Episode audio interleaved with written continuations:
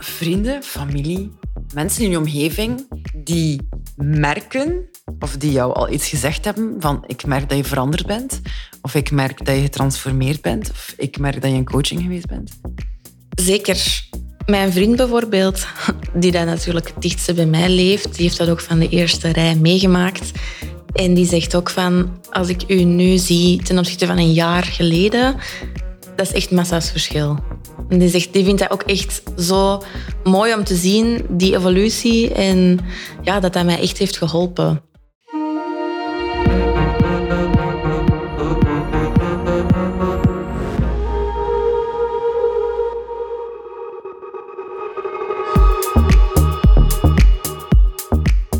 Welkom bij Truffels en Chanels, de podcast over mindset, persoonlijke groei en leiderschap. Waar we geen enkel onderwerp uit de weg gaan, met als doel jou je rijkste leven laten leven. Mijn naam is Ellen Persijn en ik neem je mee in onconventioneel en extraordinair leven vanuit liefde en vrijheid.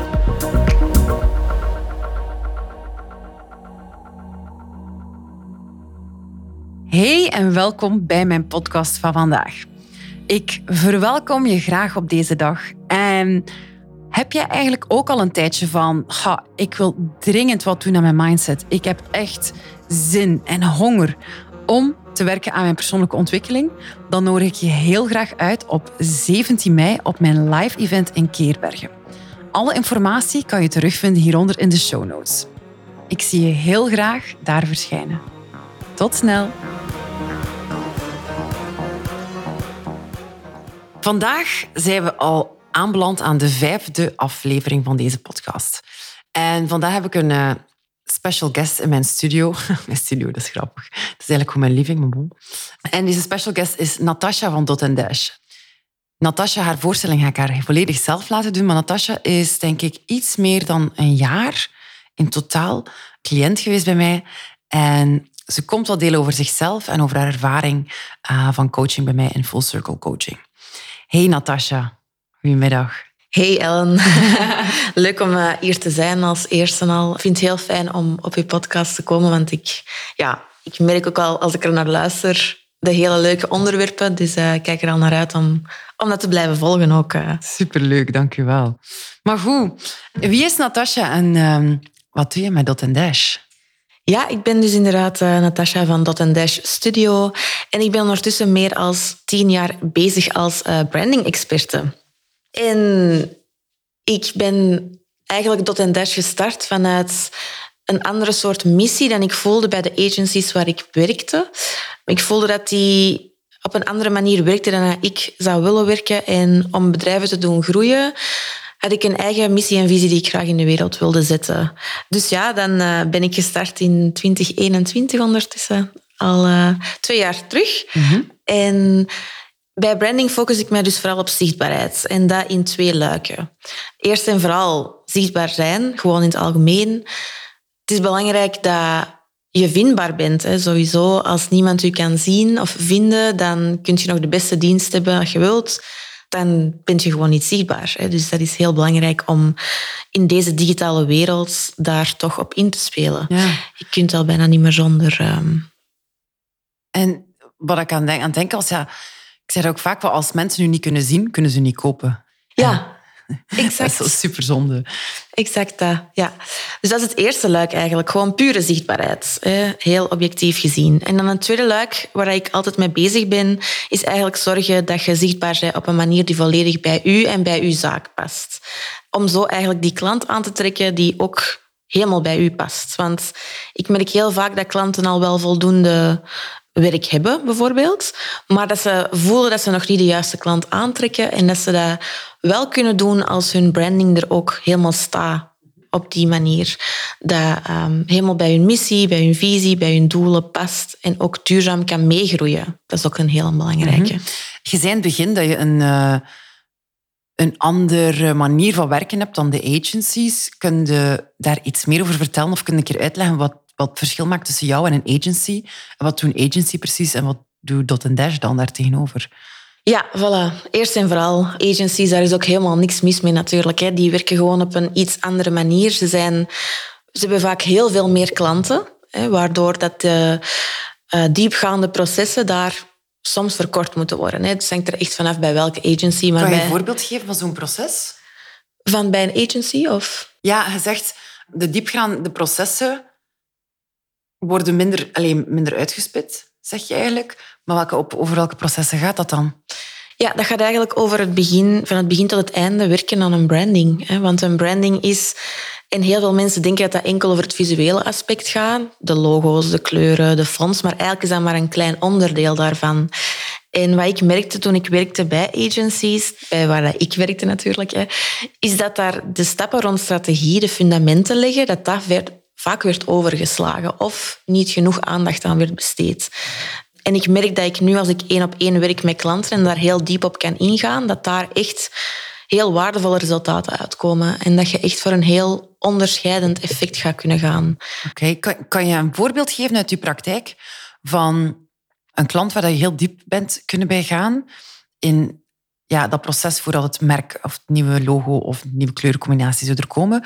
Hoe kom je daarop? Dus uh, als ik bijvoorbeeld kijk naar uh, Paulina Branding van Flow and Tides, daar moet iets gevonden zijn in Pauline die daarop gekomen is. Kunnen iets delen over zo'n proces? Want ik denk dat dat wel heel waardevol is om inzicht te krijgen in ah ja, Natasha die maakt niet enkel een logotje en een kleurje voor mij, maar die gaat in principe echt tot mijn kern als persoon en als persoon die ik wil uit, als, als wie dat ik mezelf wil uitdragen, om daar eigenlijk een merk uit te vormen. Ik kan bijvoorbeeld als voorbeeld geven Pauline van Flow and Tides. Zij had eerst het bedrijf Pauline Productions, waar ze heel graag wilde overschakelen naar één een nieuwe naam en twee nieuwe branding en website.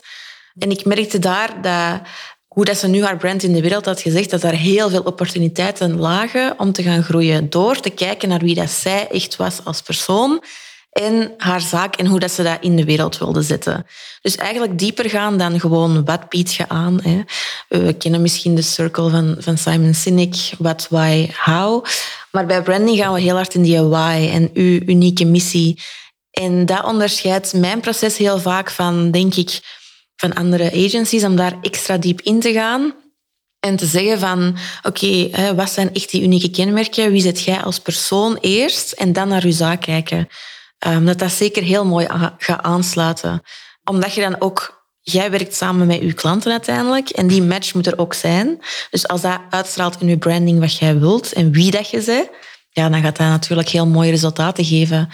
En um, dat heeft zij gisteren toevallig aan mij ook bevestigd. Uh, en dat is heel leuk om te horen. Dat is echt het fijnste compliment dat je kunt krijgen als ze zeggen van ja, het werkt nu echt zo goed. Ik trek echt meer de ideale klant aan. En ik krijg heel veel complimenten over hoe mijn brand in de wereld staat. Dat is, uh, dat is heel fijn om te horen. Dus, uh... Zalig. En ik kan mij ook voorstellen dat als je als ondernemer een branding hebt die echt volledig afgeleid is met wie dat jij bent en wat je echt in de wereld wilt zetten, dat dat gewoon klopt dat ondernemen gewoon veel minder energie kost.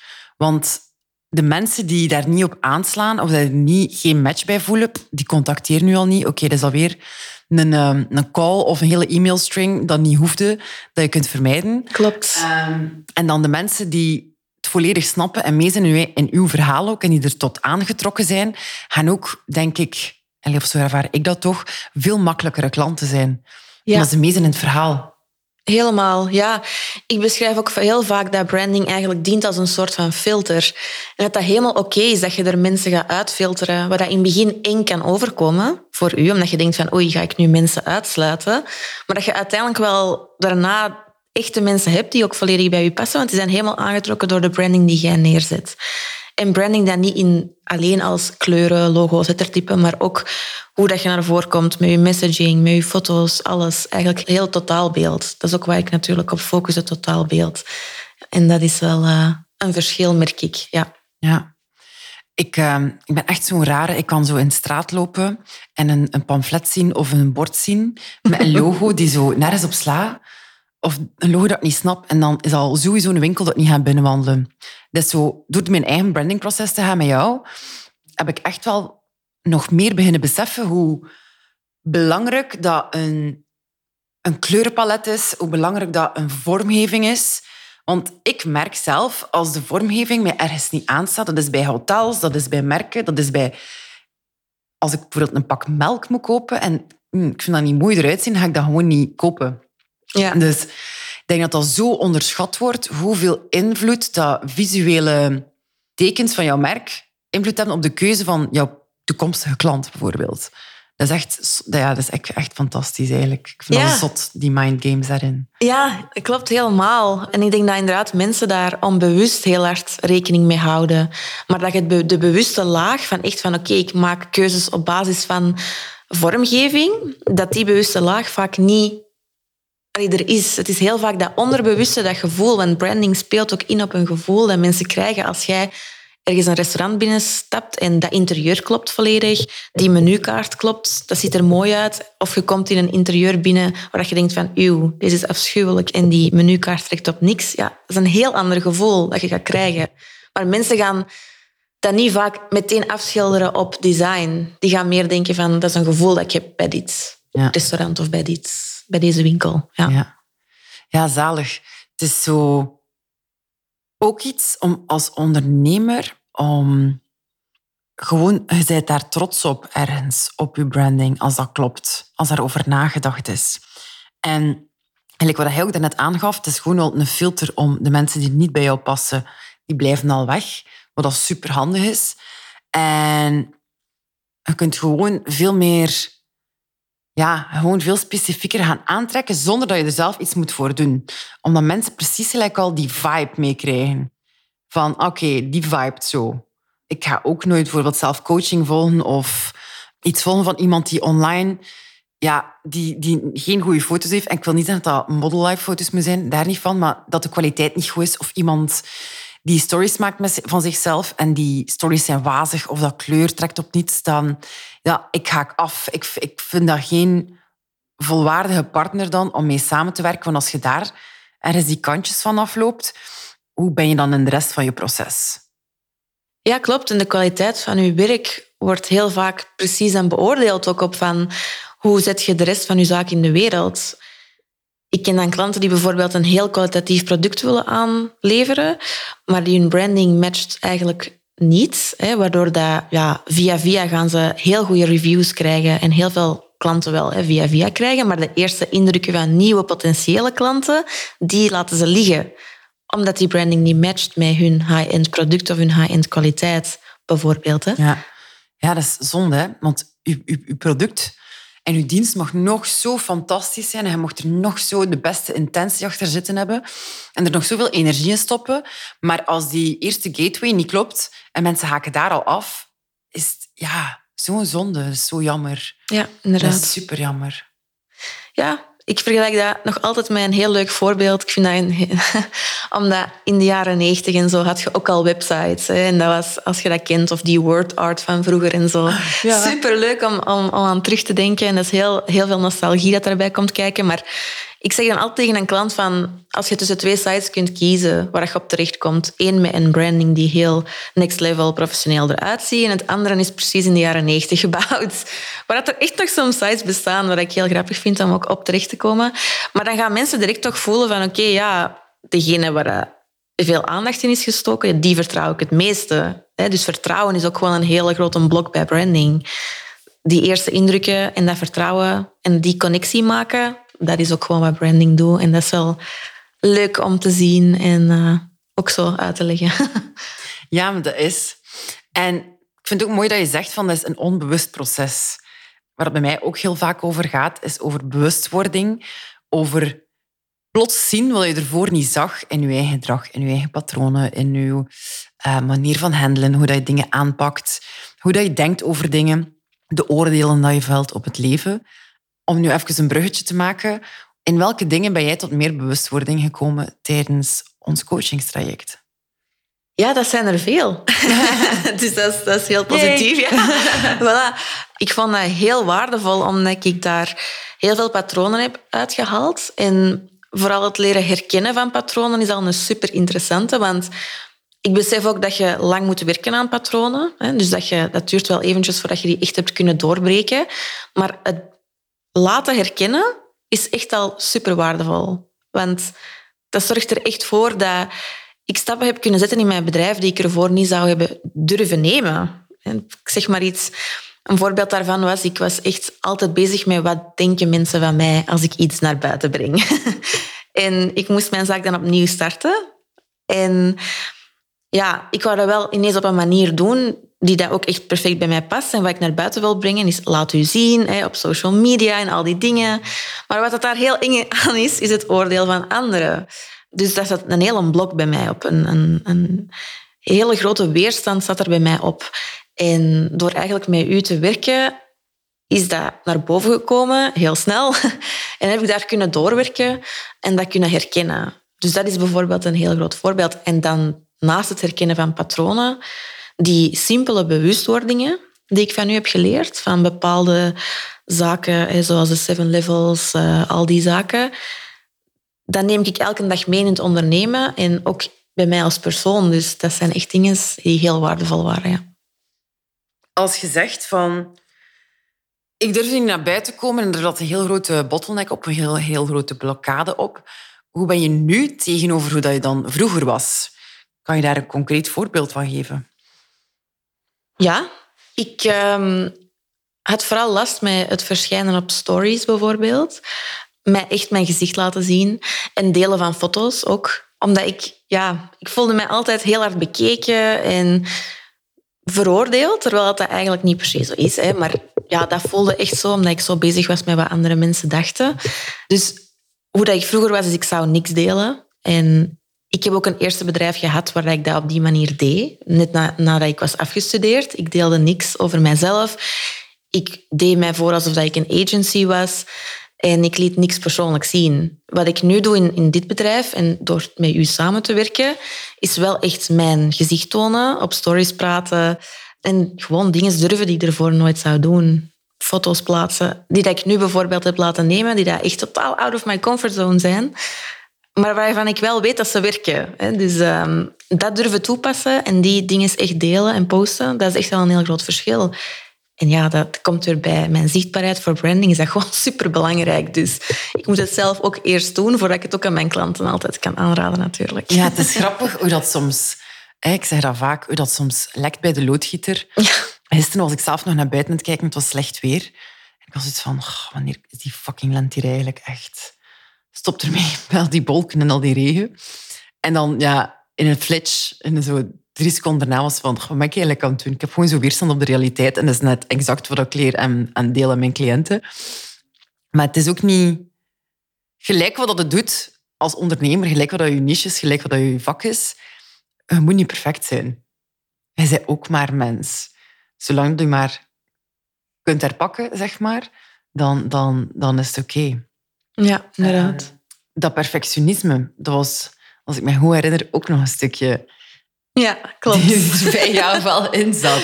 Moet ik altijd mee lachen, want uh, perfectionisme is geen kleine bij mij. Dat is een heel groot patroon waar ik echt nog wel geregeld mee sukkel, sowieso. Maar door met u samen te werken opnieuw, heb ik wel gewoon geleerd dat dat een patroon is. En ook vooral dat ik mezelf geen perfectionist mag noemen maar dat het echt eerder een patroon is, een patroon is van perfectionisme. Want als ik mezelf zo definieer, zou ik er ook nooit vanaf kunnen geraken.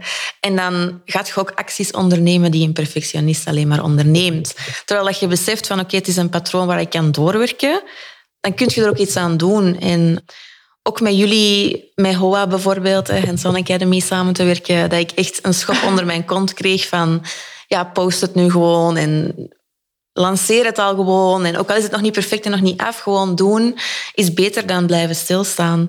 Dus dat is ook wel iets dat ik echt ja, merk dat dat heel hard werkt bij het ondernemen en bij mij als persoon zelf. Mhm. Mhm. Hoe ga je er een dag vandaag mee om als je, when you realize perfectionism is hitting you, hoe ga je daarmee om een dag vandaag? Wat doe je dan? Eerst en vooral kijk ik naar wat ben ik aan het doen dat ervoor zorgt dat dat perfectionisme naar boven haalt, eigenlijk. En dan kijk ik ook van hoe perfectionistisch moet het resultaat eigenlijk zijn? Hè? Want je zegt ook inderdaad, niemand is perfect. En is dat niet gewoon een excuus dan om het gewoon niet te hoeven te doen? Want als ik het niet doe, dan kan ik ook niks fout doen. Dus ik begin zo wat te denken aan die aan dat patroon en, en waar dat het juist vandaan komt en waarom dat ik er dan juist op die moment mee sukkel, met perfectionisme. En dat helpt ook gewoon om al sneller te kunnen stoppen en actie te ondernemen. Dus, Cutting the crap. Ja. Eigenlijk kort door de bocht. Ja. Eh, perfectionisme is in feite ook niet meer dan een angst dat iets niet gaat lukken. Dus een deel faalangst. Of een angst dat mensen kritiek op jou zouden kunnen hebben. Dat iemand zou kunnen zeggen van u, oei, maar wat jij daar gedaan hebt, dat is niet goed. En dat je dat dan eigenlijk koppelt aan je eigen waarde. Terwijl in 99% van de gevallen zijn mensen echt niet bezig met te zien of het perfect is of niet. Mensen kijken gewoon naar iets en zijn vooral met zichzelf bezig. Waardoor dat we soms van die verhalen meenemen in onszelf van ah ja, het moet perfect zijn, ik moet perfect zijn, die ons eigenlijk helemaal niet helpen. Maar dat is een verhaal die jou, like dat hij mooi zei, die jou eigenlijk gewoon beteugeld houdt en tegenhoudt om iets niet te moeten doen. Maar ja, dat is de kracht van gewoon die bewustwording terug. Nu weten dat dat er is. Een keer dat je weet dat er iets is, dan kan je het niet meer negeren. En kun je niet meer het je laten stoppen, want ja, dan kun je eigenlijk niet meer bullshitten, want het is van, ach, fuck, ik weet al wat er aan de hand is. Dus, uh... Ja, exact. En wat je ook zegt van verhalen, dat is ook weer zoiets dat ik van u heb geleerd, van verhaal versus realiteit. Kijken van, oké, okay, verzin ik dat in mijn hoofd, dat die situatie zo gaat zijn als ik dat ga delen? Gaan mensen mij beoordelen als ik iets op mijn stories plaats? Of, en dat is, verhaal versus realiteit was gewoon een hele mooie om ook voor u even te kunnen afchecken van, als ik met iets bezig ben, klopt dat wel? En langs de andere kant boeit dat. en zo van, boeit eigenlijk wat mensen denken. Het meeste wat je altijd zegt is dat mensen heel veel met hun eigen bezig zijn en veel minder met u dan dat je zou denken. Dus uh, ja, dat vond ik ook wel een goeie. Mooi. Wat vond je het meest verrassend of onverwacht aan onze coachingsessies? Het meest verrassende of onverwachte? Ik denk die kleine bewustwordingen. Dat dat eigenlijk super simpele dingen zijn die daar heel veel impact maken. Dat vond ik echt heel zot, um, omdat ik daar nog heel veel aan heb gedacht. En omdat ik dat eigenlijk constant nog toepas. En het is, wat jij ook heel vaak zegt, is van, je ziet iets en je kunt dat niet meer onzien, om zo te zeggen. What has been seen cannot be unseen. Ja, dat. beter in het Engels, klinkt altijd beter in het Engels. Maar dan, ja, dat dat zoveel impact kan hebben. Bijvoorbeeld die seven levels of awareness, ik spreek er nu weer over, omdat dat, ja, dat heeft zoveel gedaan dat ik dat gewoon in mijn ondernemen en in mijn persoon gewoon meepak de tijd, overal. En als ik denk van, hoe reageren mensen nu op mij? Dat ik dat meteen kan linken aan, oké, ja, maar misschien hebben die een andere level of met hun context heel hard rekening houden. Stel het u in staat om milder te kijken naar de wereld en naar andere mensen? Ja, 100 procent. Ja. Vroeger had ik meer van, ja, reageerde ik ook meer vanuit het ego. Ja, mhm. Dat is ook iets wat ik heb geleerd. Dat ik zo dacht van hoe dat iets moest zijn voor iemand, bijvoorbeeld ouders of zo. En dat heb ik nu geleerd van dat als je met mildheid naar iets kijkt, dat dat je veel meer brengt dan dat je denkt van het moet op deze manier. Of vanuit wat ik denk dat goed is. Mm. Dat is heel, mm. heel gevaarlijk, wat ik denk dat goed is. Ja. ja, maar wel mooi. Als je het zo vertelt, krijg ik zo echt een gevoel van zachtheid en meer rust of zo. Sluit dat aan? Klopt dat voor u? Ja, dat klopt. Zeker die rust omdat ik zelf, ja, ik ben echt een overdenker. Hè. Dat hoort misschien ook een beetje bij, ook zo dat perfectionisme. Maar dat overdenken, dat gaf bracht mij vroeger heel vaak met mezelf in problemen. Omdat ik vaak te lang nadacht over bepaalde situaties. Of wat was er gezegd? Of wat had ik gezegd? En had ik dat mogen zeggen? En mezelf zijn eigenlijk, daar kwam het op neer. Ik, ik kon moeilijk mezelf zijn. En ik denk dat ik nu door milder te zijn naar al de rest en, en er op een andere manier naartoe kan kijken, dat ik ook veel meer en makkelijker mezelf kan zijn. En dat is echt, dat is zo'n vrijheid. Ik kan dat eigenlijk zelfs moeilijk beschrijven. Dat is, dat is zalig gewoon. Dat is echt, uh, ja. Mooi, nice. Ja. En mensen zien u niet, maar zit zo helemaal zo, je gezicht gaat ook helemaal open zo. het is echt superleuk om te zien. Hoe zouden zo, als je een keer overal zou moeten nadenken, hoe zij er veranderd als persoon? laat, ik ga je een specifiek voorbeeld geven, dat is makkelijker zijn. Bijvoorbeeld, je hebt een vervelende klant. Hoe reageer je daar nu op? En vervelend kan, hè, kan van alles betekenen. Hè? Maar hoe reageer je daar nu op in vergelijking met vroeger? Dat is een hele goeie. Um, want met design is het soms heel moeilijk, omdat dat kan gaan over smaken en geuren. Natuurlijk, in het proces dat ik heb ontwikkeld, neem ik de klant meer en meer mee. Dus voelde ook natuurlijk dat je ze ook mee in de argumentatie krijgt, waar dat heel goed werkt. Waardoor ik heel weinig feedbackrondes uiteindelijk krijg. Maar er zijn altijd klanten natuurlijk die dat heel graag zelf de controle willen behouden en ook niet snel iets goed gaan vinden als ze het niet zelf hebben gedaan. Dus dat is een voorbeeld bijvoorbeeld. En hoe ik daar vroeger mee omging, is ik nam dat heel, heel persoonlijk. Want ik steek heel veel liefde, heel veel passie in design. Ik heb er veel opleidingen voor gedaan. Ik studeer constant bij, omdat ik echt het beste wil voor mijn klanten. En als er een klant zegt van oei nee, het, spreekt mij toch niet aan het resultaat, of dan nam ik dat echt super persoonlijk, was ik daar echt een week of langer slecht van, voelde ik mij miserabel zelf soms, als ik het eerlijk mag toegeven. En nu kan ik meer kijken naar, oké, wat, wat, zou de onderliggende context van de klant kunnen zijn? Als ik er met mailtijd naartoe kijk, waar komt zij vandaan of hij? Ja, wat, wat speelt er in haar hoofd dat misschien dat resultaat niet zo goed vindt of niet passend vindt? Of heb ik een stap overgeslagen die eventueel heel belangrijk kan zijn in een volgende samenwerking? Dus eigenlijk op die manier daar meer naar kijken heeft mij minder miserie gebracht voor mezelf, dat ik het mij minder aantrek persoonlijk en dat sommige samenwerkingen gewoon, ja, soms ook zelfs geen match kunnen zijn en dat helemaal oké is. Mhm. Waar jij je klanten doorloopt, zeg maar, in heel jouw proces, en ik had, kan uit ervaring spreken, want ik heb mijn branding ook bij jou laten doen, is er hoort gewoon een heel groot stukje mm, verandering bij. En als mens zijn we gewoon zo gedesigned om weerstand te hebben op verandering.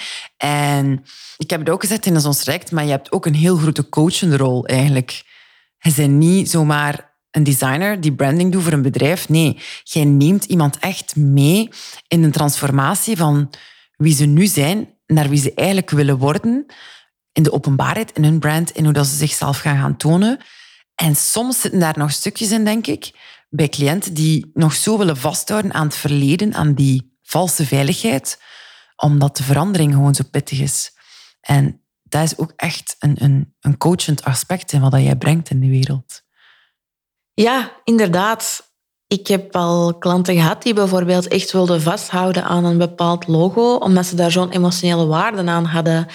En ook al weet ik dan op die moment van, oké, dat logo is eigenlijk niet zo professioneel als het zou moeten zijn. En als je je doelen wilt bereiken in je zaak, is het eigenlijk beter dat je wisselt van logo.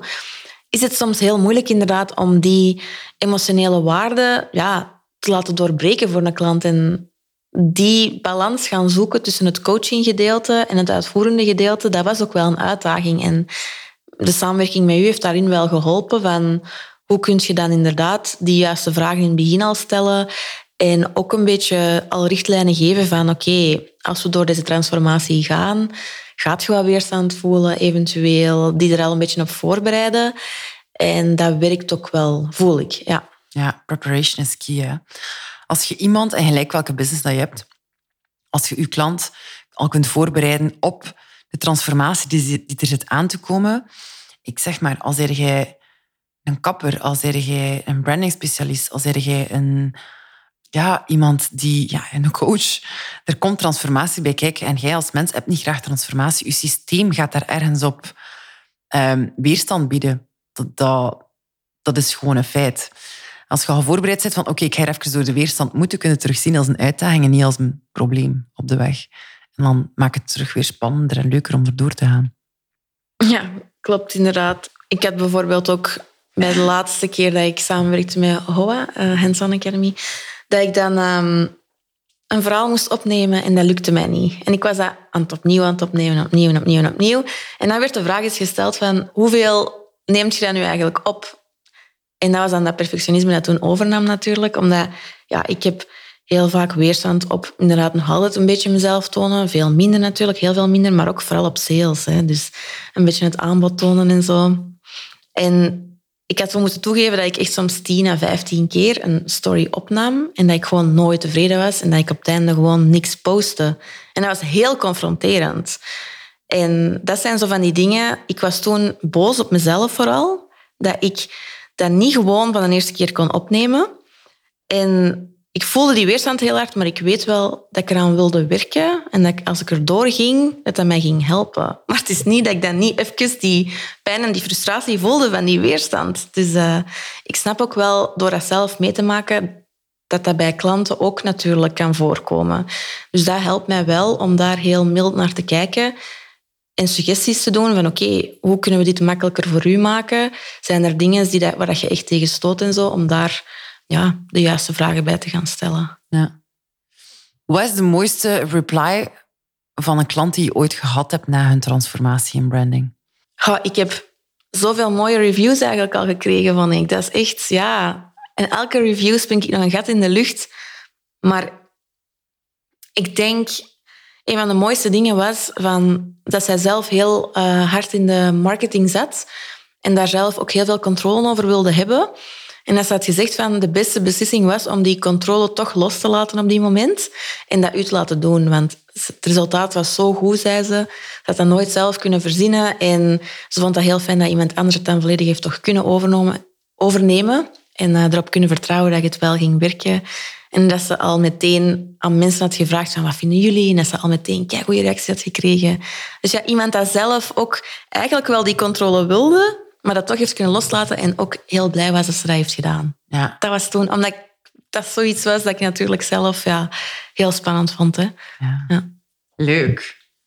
Heb je vrienden, familie, uh, mensen in je omgeving die merken of die jou al iets gezegd hebben van ik merk dat je veranderd bent, of ik merk dat je getransformeerd bent, of ik merk dat je in coaching geweest bent? Zeker. Mijn vriend bijvoorbeeld, die dat natuurlijk het dichtste bij mij leeft, die heeft dat ook van de eerste rij meegemaakt.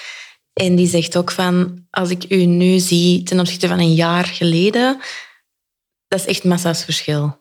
En die, zegt, die vindt dat ook echt zo mooi om te zien, die evolutie. En ja, dat dat mij echt heeft geholpen. En los daarvan denk ik dat mijn omgeving, zoals mijn broer of mijn moeder en mijn vader, ook wel merken dat ik rustiger ben geworden. Want ik heb nogal een hoog onrechtvaardigheidsgevoel. Maar dat ook naar boven is gekomen tijdens onze sessies. En ik kan nogal eens strijden over dingen. En ook in mijn familie. En ik hou wel van discussies en zo. Maar vroeger nam ik dat zo extra persoonlijk, terwijl ik dat nu zo heel veel meer kan loslaten. En dat helpt ook wel om, om, leukere uh, gezinsgesprekken te hebben als we samenkomen, ik zal het zo zeggen. Dus ja, ze merken dat sowieso wel. Ja. Ze zeggen dat als iemand in jouw omgeving begint te merken dat je getransformeerd bent, dat dan echt zo het punt is van zekerheid. Ah, oké, okay, now I'm sure. Hetzelfde als je bijvoorbeeld gaat gaan fitnessen en ja, je ziet niet na één dag verandering, je doet bijna niet na een week of niet na twee weken. Maar een keer dat je het zelf al zo begint te merken, is het al goed. Maar dan de volgende stap, een keer dat je omgeving begint te merken van, amai, je lichaam is veranderd gewoon bij iets aan het doen. Dan is zo de ultieme bevestiging van oké, this shit is working. Dus uh, ja, dat is altijd wel een waardevolle feedback als je omgeving daar ook kan steunen. Ja, ook zelfs vriendinnen van vroeger, die zelf ook al hebben gezegd van... Ja, ik ken die dan bijvoorbeeld van het middelbaar, dat is echt al een tijdje geleden. En die hebben ook echt gezegd van dat je een heel groot verschil merkt ten opzichte van vroeger en nu. Dus ja, dat is wel heel fijn om inderdaad te horen. Want zelf heb je er soms nog altijd een tunnelvisie op. Hè. Zoals je zegt, van, als je naar de fitness gaat, zo, je ziet je lichaam constant elke dag. Je bent constant elke dag met jezelf bezig. Dus soms heb je niet het gevoel van, ik ben veel veranderd. Terwijl als ik bijvoorbeeld eens een keer in mijn eigen journals keek van een jaar geleden of twee jaar geleden, dan is er een immens verschil. Dat was wel eens fijn om eigenlijk te doen. Om terug te kijken naar die journals en te lezen van Amai, oei ja, dat zijn wel... Allee, dat is wel totaal een andere persoon. Ja, dat was wel heel fijn om eens te zien. Oeh. Um, kleine nuance, is het een andere persoon of zijn er laagjes af die jou niet meer dienen. Nee, dat is waar. Ja, eigenlijk gaat het over meer mezelf zijn. En dat ik dat vroeger niet durfde. Ja. Want ik krijg soms mensen die bij mij willen komen en die zeggen dan van ja, maar ik wil niet veranderen. Ik wil niet iemand anders worden. Hè. Ik zeg, nee, nee, maak je geen zorgen. Het enige dat er kan gebeuren is dat je gewoon meer jezelf wordt. Mensen hebben soms een idee van coaching dat ze dan een heel ander persoon gaan worden. Nee, dat, dat is niet. Laat effectief die laagjes los die niet meer, die niet meer passen bij wie dat je altijd dacht dat je moest zijn. Dus, ja, klopt. Het maakt juist gewoon dingen eigenlijk makkelijker. Het maakte het makkelijker om mezelf te kunnen zijn in mijn onderneming en in mijn persoonlijke omgeving. Want ik had niet alleen problemen met mijzelf te tonen, bijvoorbeeld op stories of op socials, maar ook in mijn vriendengroepen. Dat ik mij soms meer achteruit stelde en andere mensen het liet overnemen, omdat ik niet voelde dat ik volledig mezelf kon zijn. En dat is nu wel. Dus dat is juist fijner. Het is inderdaad niet dat je iemand anders wordt. Het voelt soms wel een beetje zoals ik het dan teruglas, maar het is helemaal niet. Het is meer van, als ik dan toen las van ja, een van mijn dromen was toen mezelf gewoon helemaal kunnen zijn. Helemaal authentiek kunnen zijn, zonder dat ik altijd denk van wat mensen zouden kunnen van mij denken. En dat is nu. Dus oké, er zijn altijd momenten natuurlijk waarvan dat je even een down hebt, maar er is zoveel verschil. Ja, dat is echt wel uh, heel fijn. Mooi. Als je drie dingen mag opnoemen waar dat je in je transformatie dankbaar voor bent, wat zouden die drie dingen zijn? Ja, vooral eigenlijk ja. Ik denk dat ik bij u ook kwam in het begin en ik zei van, weet je waar ik heel graag vanaf wil? Dat is ook van stress. Omdat stress iets is dat mijn hele leven al heeft gedomineerd. Het is door die stress dat ik ook in een burn-out ben terechtgekomen. Ook altijd hard willen gaan, mezelf heel veel druk opleggen. Dus als er één ding is, is dat ik daar heel bewust van ben geworden en tools heb gekregen hoe ik daarmee om kan gaan. Dat is al één. Zoals bijvoorbeeld journaling. Om van de stress af te geraken. Of wat werkt, wat werkt niet. Die lijsten. En dan daar bijvoorbeeld eh, sporten kiezen. En dat dan ook echt wel degelijk gaan doen. Dus dat is wel iets wat ik heb gemerkt. Ja, het heel ding rond stress bijvoorbeeld. Een tweede ding dat inderdaad ook wel... Ja, dat, dat, ja, dat zicht op dat perfectionisme gewoon, dat patroon. Dus dat is echt wel een tweede ding. En een derde, ja, vrijheid en rust door echt mezelf te kunnen zijn. Ja, echt de laatste waar we het over hadden. Hey Natasja, ik wil jou super hard bedanken dat je erbij was vandaag tijdens de eerste interviewsessie van de podcast bij Truffles and Chanels. Dankjewel voor je komst. Um, waar kunnen mensen jou terugvinden? Dat kan uh, ja, op mijn uh, Instagram-account, LinkedIn-account of website. Gewoon zoeken naar dot en dash, dash.be. En dan kan je mij terugvinden. En uh, ik wil ook sowieso u heel graag bedanken dat ik hier aanwezig mocht zijn. Ik vond het heel leuk om te doen. En om het startschot mee te geven eigenlijk, ja. Super, dankjewel. Voor de luisteraars, dankjewel dat jullie waren. En tot een volgende Truffles en Chanels.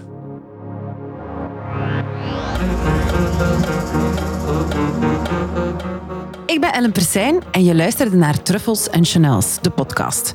Mocht je dat nog niet gedaan hebben, ga dan naar je podcast-app en subscribe op deze podcast. Vond je het waardevol? Vergeet zeker geen like, rating of review na te laten. Ik zie je graag bij een volgende keer terug bij Truffles Chanels.